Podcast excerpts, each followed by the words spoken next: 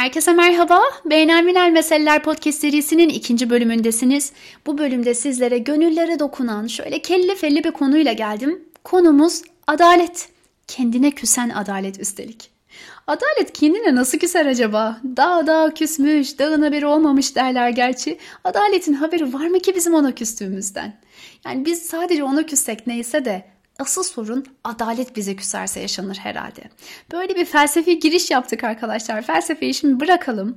Konu adalet gibi temel bir mesele olunca her insanın maşallah söyleyecek bir sözü var.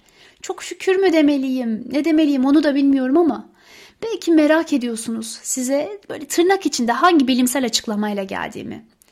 Arkadaşlar bilimsel açıklamalar bugün kitaplarda kalsın. Ben bugün sizlere adalete farklı bir açıdan bakmayı teklif ediyorum. Adaleti nasıl algıladığımızla ilgileniyorum. Çünkü adaleti doğru algılamadığımız zaman vardığımız hükümler de yanlış oluyor. Dolayısıyla adalete de ulaşamıyoruz. Hemen bir örnekle devam edelim. Ağır Ceza Mahkemesi'nde çalışan bir hakimi düşünelim. Adam öldüren bir kişi var ve bu kişiyi serbest bırakıyor, serbest yargılıyor, tutuksuz yargılıyor.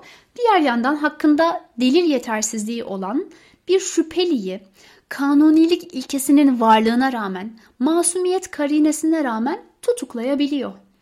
Bu hakimin acaba nasıl bir duygusu var, nasıl bir düşüncesi var? Adalet bu hakimde nasıl bir yansıma buluyor ki bu kararlarla bu hakim adalete hizmet ettiğini düşünebiliyor. Ben bunu çok sorguluyorum. Yani şöyle diyebilirsiniz bu kişi aslında devlete hizmet ediyor diye ama devletin dediklerini yaparak, devlete göre hareket ederek adalet duygusunu tatmin eden pek çok insan var. İşte o yüzden bu podcast'te adalet algımızı yerle bir eden 3 tane sorunlu algımızdan bahsedeceğim sizlere. 3 tane temel e, engel olarak gördüğüm mesele. Fakat bu noktaya gelmeden önce bir kavrama dikkat çekmek istiyorum müsaadenizle. Bu kavram benim kendimce düşünüp kendim oluşturduğum bir kavram. İlk defa da burada paylaşacağım. Hazır olun. Sürdürülebilir adaletsizlik. Evet sürdürülebilirlik kavramının herhalde hiç yakışmadığı kötü bir kombin oluyor bu. Ama buna rağmen bu var. Sürdürülebilir bir adaletsizlik görüyoruz biz ve adaletsizliği sürdürülebilir kılan şey nedir? Benim temel çıkış noktam bu.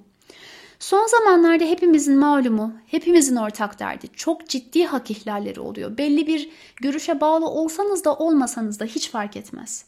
Yakın geçmişte de bunun çok örnekleri olmuş ama yani daha o kadar geçmişe gitmeden hani birkaç hafta önce örneğin İstanbul Sözleşmesi feshedildi ve biz bunun sebebini bile bilmiyoruz. Kimse bir açıklama da yapmıyor. Doğru düzgün tartışamıyoruz da sadece sosyal medyada işte İstanbul Sözleşmesi yaşatır falan diyebiliyoruz. Yani bunlar yapılıyor hiç yapılmıyor değil ama böyle düşünüp susan insanların sayısı da çok fazla. Neden susuyorlar? Çünkü bence anlaşılmayacaklarını düşünüyorlar. Anlaşılmayacağınızı bildiğiniz bir yerde ne yaparsınız? Susarsınız. Susunca insan tabii aktif bir buğz etme içerisindeyse bu etkili olabilir bir ölçüye kadar ama bunun da şöyle bir tehlikesi var. Susan insanlar mutsuz. İç sesleriyle dış eylemleri arasında bir birlik yok. Bu yüzden de yıllarca huzursuz yaşamak zorunda kalıyorlar. Dile getirmediklerine, sustuklarına da alışma tehlikesi var ve bence en kötüsü de bu. İşte bu durumda yani siz alıştığınız bir şeyden de rahatsız olmuyorsunuz ve adaletsizlik böyle sürüp gidiyor. Dünyanın dört bir tarafında mağdur kadınlar var mesela. Şiddet gören, öldürülen, eşleri tarafından ezilen, kürtajı çoğu ülkede konuşamıyoruz. LGBT'lerin yasal kimlikleri ayıp konular arasında. Şimdi bütün bunlar ne demek? Bu hakları konuşmadığımızda ne düşünüyoruz gerçekten? Daha adil olduğumuzu mu düşünüyoruz? Ya da değerlerimize bağlı kaldığımızı mı düşünüyoruz? Dindar olduğumuzu mu düşünüyoruz? Ayıplanmaktan mı korkuyoruz? Toplumun baskısı o kadar mı içimize işlemiş? Bu meseleler gerçekten bu kadar zor meseleler mi? Bence bunun ezbere öğrendiğimiz değerlerimizle de çok bilgisi yok aslında. Yani değerlerimiz bunları konuşabilmeyi bize yasaklamıyor. Bu yasakları koyan bizleriz. Çünkü alıştığımız düzende yaşamayı daha kolay buluyoruz. Değerleri öne sürünce hop bir dokunulmazlık da oluyor. Oh ne hala memleket konuşmayalım böyle yaşayıp gidelim. Şimdi hak ve adalet arayışı tarihe baktığımızda çok defa muhtelif şekillerde yaşanmış. Normal olmayan şey bunların olması değil. Hepsi bir süreç. Sorun bence şu. Neden bu kadar sık, neden bu kadar uzun süredir İnsanlar birbirini anlamaktan aciz kalırlar. Bu bu kadar zor bir şey mi? Herhalde bunlar arasındaki en acı olanı da iletişim çağında, bilgi çağında insanların birbirini anlayamaması. Hakkını elde eden ya da bir şeyi savunan insanlar için diğerlerinin çok da bir önemi yok. Evet bu noktada beynelminel bir ifadeyle, beynelminel bir örnekle devam etmek istiyorum. Bir Türk için Türkiye dış mihraklar tarafından yönetilen bir ülke. Yani çoğu kişi için, herkes için demiyorum tabii ki. Bu kişilere göre bu olay çok büyük bir adaletsizlik ve dünya Türkiye'ye çok büyük bir oyun oynamakta. Ama bunu düşünen Türkler için Kürtlerin kendi dilinde konuşamamasının nasıl büyük bir zulüm olduğuyla ilgili hiçbirinin bir fikri yok. Yani bu konuda bırakın fikir sahibi olmayı Kürt meselesi deyip arkasına ikinci bir cümle kuramıyorlar bile. Evet uzun zamandır süre gelen sistematik bir haksızlık var. Sürdürülebilir bir adaletsizlik var. Yani adaletsizliğin sürdürülebilir versiyonunu yaşıyoruz. Literatüre yeni bir kavram daha kattık. Ve bir şey sürdürülebiliyorsa demek ki onun beslendiği bir başka bir şey var. Kökleri var yani. Adaleti uygulayan kişiyi, kurumu değiştirdiğinizde ya da iktidar değiştiğinde sonuç değişmiyor, değişmeyecek de. Peki neden bu kadar adaletsizlik var? Biraz bunun üzerine düşünelim. Adaletsizliğin olmasının en büyük sebebi belki de başkası hakkında insanın karar verme yetkisini kendinde bulması. Aslında bu her zaman tehlikeli bir şey. Çünkü bir başkası hakkında karar verdiğinizde bunu her zaman kötüye kullanma ihtimaliniz vardır. Bu mümkün. Ama bir başkası hakkında karar vermenin gerekli olduğu zamanlar da var. Örneğin parlamentoda tabii ki halk hakkında bir karar vermek zorundasınızdır ve bu halkın onayıyla meşru olmuş olur. Ama bir yönetim kurulunu düşünelim örneğin bir iş yeriniz var. Yönetim kurulunda iş yerine bağlayıcı, çalışanları bağlayıcı bir karar veriyorsunuz. Eğer ki yola çıkış noktanızdaki dayanaklar sağlamsa aldığınız karar zaten adaletli ve sürdürülebilir bir karar oluyor. Fakat yanlış bir karar vermişseniz, eğer ki siz çalışanlarınızın özel durum ve ihtiyaçlarını gözetmemişseniz, kısa vadede istediğiniz yaptırabilirsiniz belki ama orta ve uzun vadede mutlaka negatif sonuçlar alırsınız. Ve bu sizin şirketiniz için çok büyük bir tehlike olduğu için, hak ihlallerine dolayısıyla felaketlere sebep olduğunuz için geri adım atmak zorundasınızdır. Yani bu adaletsizlik sürdürülebilir bir şey değildir. O halde adaletsizliği sürdürülebilir kılan şey nedir? Ben buna şöyle bir cevap buldum arkadaşlar. Demek ki asıl sorun insanın kendine mal etmediği değerlerle Başkası hakkında değil, hiç uzağa gitmeye gerek yok. Önce kendisi hakkında, kendi kararlarını vermesi. Kavramların içini doldurmadan öğrenilmiş kodlarla, belki çaresizliklerle, öğrenilmiş olsun, öğretilmiş olsun fark etmez. Bunlarla alınacak yol sınırlı. O halde kavramları netleştirmek gerek. Örneğin adalet kavramı bizim için ne ifade ediyor? Böyle sorsak ne deriz? Adalet nerede başlar, nerede biter desek nasıl bir cevap veririz? Hani özgürlük için genel geçer bir ifade vardır. Bir başkasının özgürlüğünün başka, başladığı yerde özgürlüğünüz biter diye. Şimdi bu ifadenin doğruluğu tartışılabilir ama adalet için böyle bir şey yok mesela. Bu sadece doğuştan gelen bir arzu ve soyut bir şey. Şimdi e, sürdürülebilir adaletsizlik deyince ister istemez somut örnekler geliyor insanın aklına. Bu örneklerin en çok bulunabildiği yerde malum hukuk. Çünkü etiğe başvurduğunuzda, vicdana başvurduğunuzda soyut kalmaya devam ediyorsunuz. Hukuk önündeki adalet bu yüzden çok önemli. Bağlayıcı kararları var çünkü. Ama bu kararları veren insanların e, adalet algısının kanunlardan bağımsız bir tarafı da var. Mesela takdir hakkı.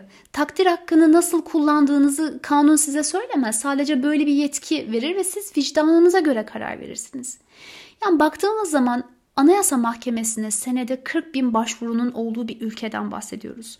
Anayasa Mahkemesi'ni kendi üyesini karşı görüş yazdığı için koruyamadığı ve bu yüzden sanık sandalyesine oturttuğu bir ülkeden bahsediyoruz.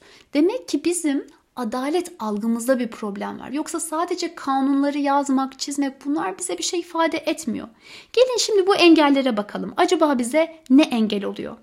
Şimdi benim belirlediğim en büyük engellerden birincisi neyden kurtulmak istediğimizi tam olarak bilmemek. Yani adaletsizlik olmasın derken elde etmek istediğimiz şey tam olarak ne? Sadece kendi haklarımız mı? Yoksa bunu tüm insanlar için samimiyetle dileyebiliyor muyuz mesela? Tüm hakları savunabiliyor muyuz? Herkesi kucaklamaya hazır mıyız? Yoksa şikayetimiz sadece bize yapılan haksızlıkla mı sınırlı? Şümüllü bir adaletsizlik savunması yapabiliyor muyuz acaba? Yani adaletsizliğin herkese karşı adaletsizlik olduğu acaba bizim gönlümüzde yer bulabilmiş mi? Bir diğer engel, ikinci engel ise kişinin iç muhasebesinde adalete ulaşılamaz görmesi. Şimdi ruh dünyamıza baktığımız zaman birçok kişi, geçen de hatta Clubhouse'da da konuşmuştuk bunu ve yani 100 kişiden 99'a aynı şeyi söyledi. Mutlak adaletin bu dünyada sağlanamayacağına inanıyoruz. Ama bu düşünce eğer ki bizim ruhumuzda büyük harflerle yazıyorsa oraya bir bakmak lazım. Acaba bu durum bizim adalet talebimizi engelliyor mu? Ya da nasıl bir engel oluşturuyor? Mesela nispi bir adalet var ve bunun en iyi versiyonuna ulaşabiliriz çabalarsak. Bir çocuk düşünelim. Anne babasına çok yaramazlık yaptığında, sınırlarını zorladığında mutlaka düşer kalkar kafasını bir yere vurur, morartır. Şimdi siz bunu dilemezsiniz ama bu olur. Bu kadar günlük, adi, sıradan bir meselede bile adaletin bir yönü tecelli edebiliyorsa daha büyük adaletsizliklerde Allah'ın bu dünyada halifesi olarak gördüğü bir varlığın insana ait, insanın varoluşuna ait meselelerde neden tecelli etmesin? Yani dilin ucuyla söylenmiş bir söylem vardır. Hani beynelmilel ifade. Allah'ın da bir adaleti var. Şimdi bu cümle kendi içinde doğru olsa bile eylemle birleşmediği zaman çok da bir şey ifade etmiyor bence. Çünkü inanç eylemi gerektirir. Bu adalet için ne yaptık? Nasıl talep ettik? Neleri göze aldık? Ne şekilde mücadele verdik? Mutlak adaleti mahkemeyi kübraya bırakmanın burada bizi kısıtlayan bir tarafı oluyor mu acaba? Bizi eylemsiz bırakıyor mu? Bırakıyorsa o zaman bizim adalet algımızda bir sorun var demektir. Burada size anlatmak istediğim son engel ise hep karşıdan beklemek. İşte adaletin kendine küstüğü nokta tam da burası arkadaşlar. Adalet sadece yargıdan mı beklenir? Yani hukukçu değilseniz mesela sizin hiç sözünüz olamaz mı? Hiç adalet talep edemez misiniz? Ya da talepleriniz hiçbir işe yaramaz mı? Şimdi hak taleplerimiz için yargıyı hukuku bir kenara bırakalım. Kendi hayatımızda, sosyal ilişkilerimizde nasıl davranıyoruz? Buraya bakmak lazım. İsteklerimizin arkasında duruyor muyuz? Şimdi çok güzel bir örnek vereceğim. Bir bankayla çalışıyorsunuz. Bankada hesabınız var ve banka sizden 1 lira fazla çekti. Yani 1 lira aslında çok büyük bir tutar değil. Şimdi bunun iadesini istiyor muyuz? Yoksa 1 lirayı küçük görüp boş mu veriyoruz? Ya da küçük adaletsizliklere göz yumduğumuz için mi büyüklerle karşı karşıyayız? Bunun bir sorgulamasını yapmak lazım sanırım. Ya da alışveriş yaptınız. Mesela Apple'dan bir bilgisayar aldınız. Son çıkan e, yeni Mac'lerden. Size tedarik olarak 3 gün süre öngörüldü. Ama bir ay gönderilmedi ve bilgisayarsız kaldınız. Birçok işinizi yapamadınız, mağdur oldunuz. Susuyor musunuz? Susuyor muyuz? Yoksa zararımızın giderilmesi için herhangi yazılı çizili bir talepte bulunuyor muyuz? Ya da Allah'ından bulsun deyip unutmayı mı seçiyoruz? Belki de Allah'ın dileği bizim sebepler dairesinde bunun mücadelesine vermemiz. Yani Allah'ın adaleti bu şekilde tecelli edecek. Ama biz bunu seçmiyoruz. Yani sosyal değil de kendi benliğimizle ilgili şeylerde kendimizin hakkını verebiliyor muyuz acaba? Yani hakkı hakkına teslim etmek derken hep dışarıda arıyoruz ama herkesten beklediğimiz şefkati kendine göstermemek de bir adaletsizlik olamaz mı? Adaletsizliğin zıttı da zulümdür. Bu nefsi zulüm meselesine geliyoruz mesela.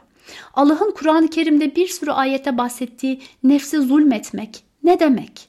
Dini meseleleri o kadar çok dini terim ve tanımlarla algılamışız ki, öğrenmişiz ki, o kadar günahla bağdaştırmışız ki cevap bulmakta insan gerçekten zorlanıyor. Hani günah ne desek büyük günahlar sayılır sonrası yok. Ama günlük hayatta insanın yaptığı her bir davranışın karşılığı varsa eğer bu bu kadar kısır bir şey olmamalı. Bununla ilgili bir sürü e, Kur'an-ı Kerim'de ayet var, referans var. Ben burada hani hepsini söylemek istemiyorum. Zaten böyle bir vasfım da yok. Ama şunu örnek vereceğim. Nisa suresinde kim bir kötülük eder ya da günah işleyerek nefsine zulmederse ve Allah'tan af dilerse Allah'ı gafur ve rahim bulur diyor. Şimdi kötülükle günahı veya bağlacıyla bağlamış. Yani biri da, diğerinden daha üstün değil. Yani kötülük kendine de olabilir. Hani insanın adil bir tutumla davranabilmesi için ikinci ya da üçüncü bir kişiyle muhatap olmasına da gerek yok ki. Burada hak kavramından da bahsetmek gerek. Yani insanın kendi üzerinde, nefsinin insan üzerinde bazı hakları var ve bu denge kaçınca terazi sarsılıyor. İnsan en birinci noktada aslında kendine zulmediyor. Çünkü adaletin zıttı zulümdür. Evet neden adalet kendine küsmüş? Kendimce anlatmaya çalıştım bu podcast'te. Faydalı olduğunu ümit ediyorum. Üçüncü bölümde hak kavramıyla bu meseleyi biraz daha açmış olacağım. O zamana kadar kendinize çok iyi bakın.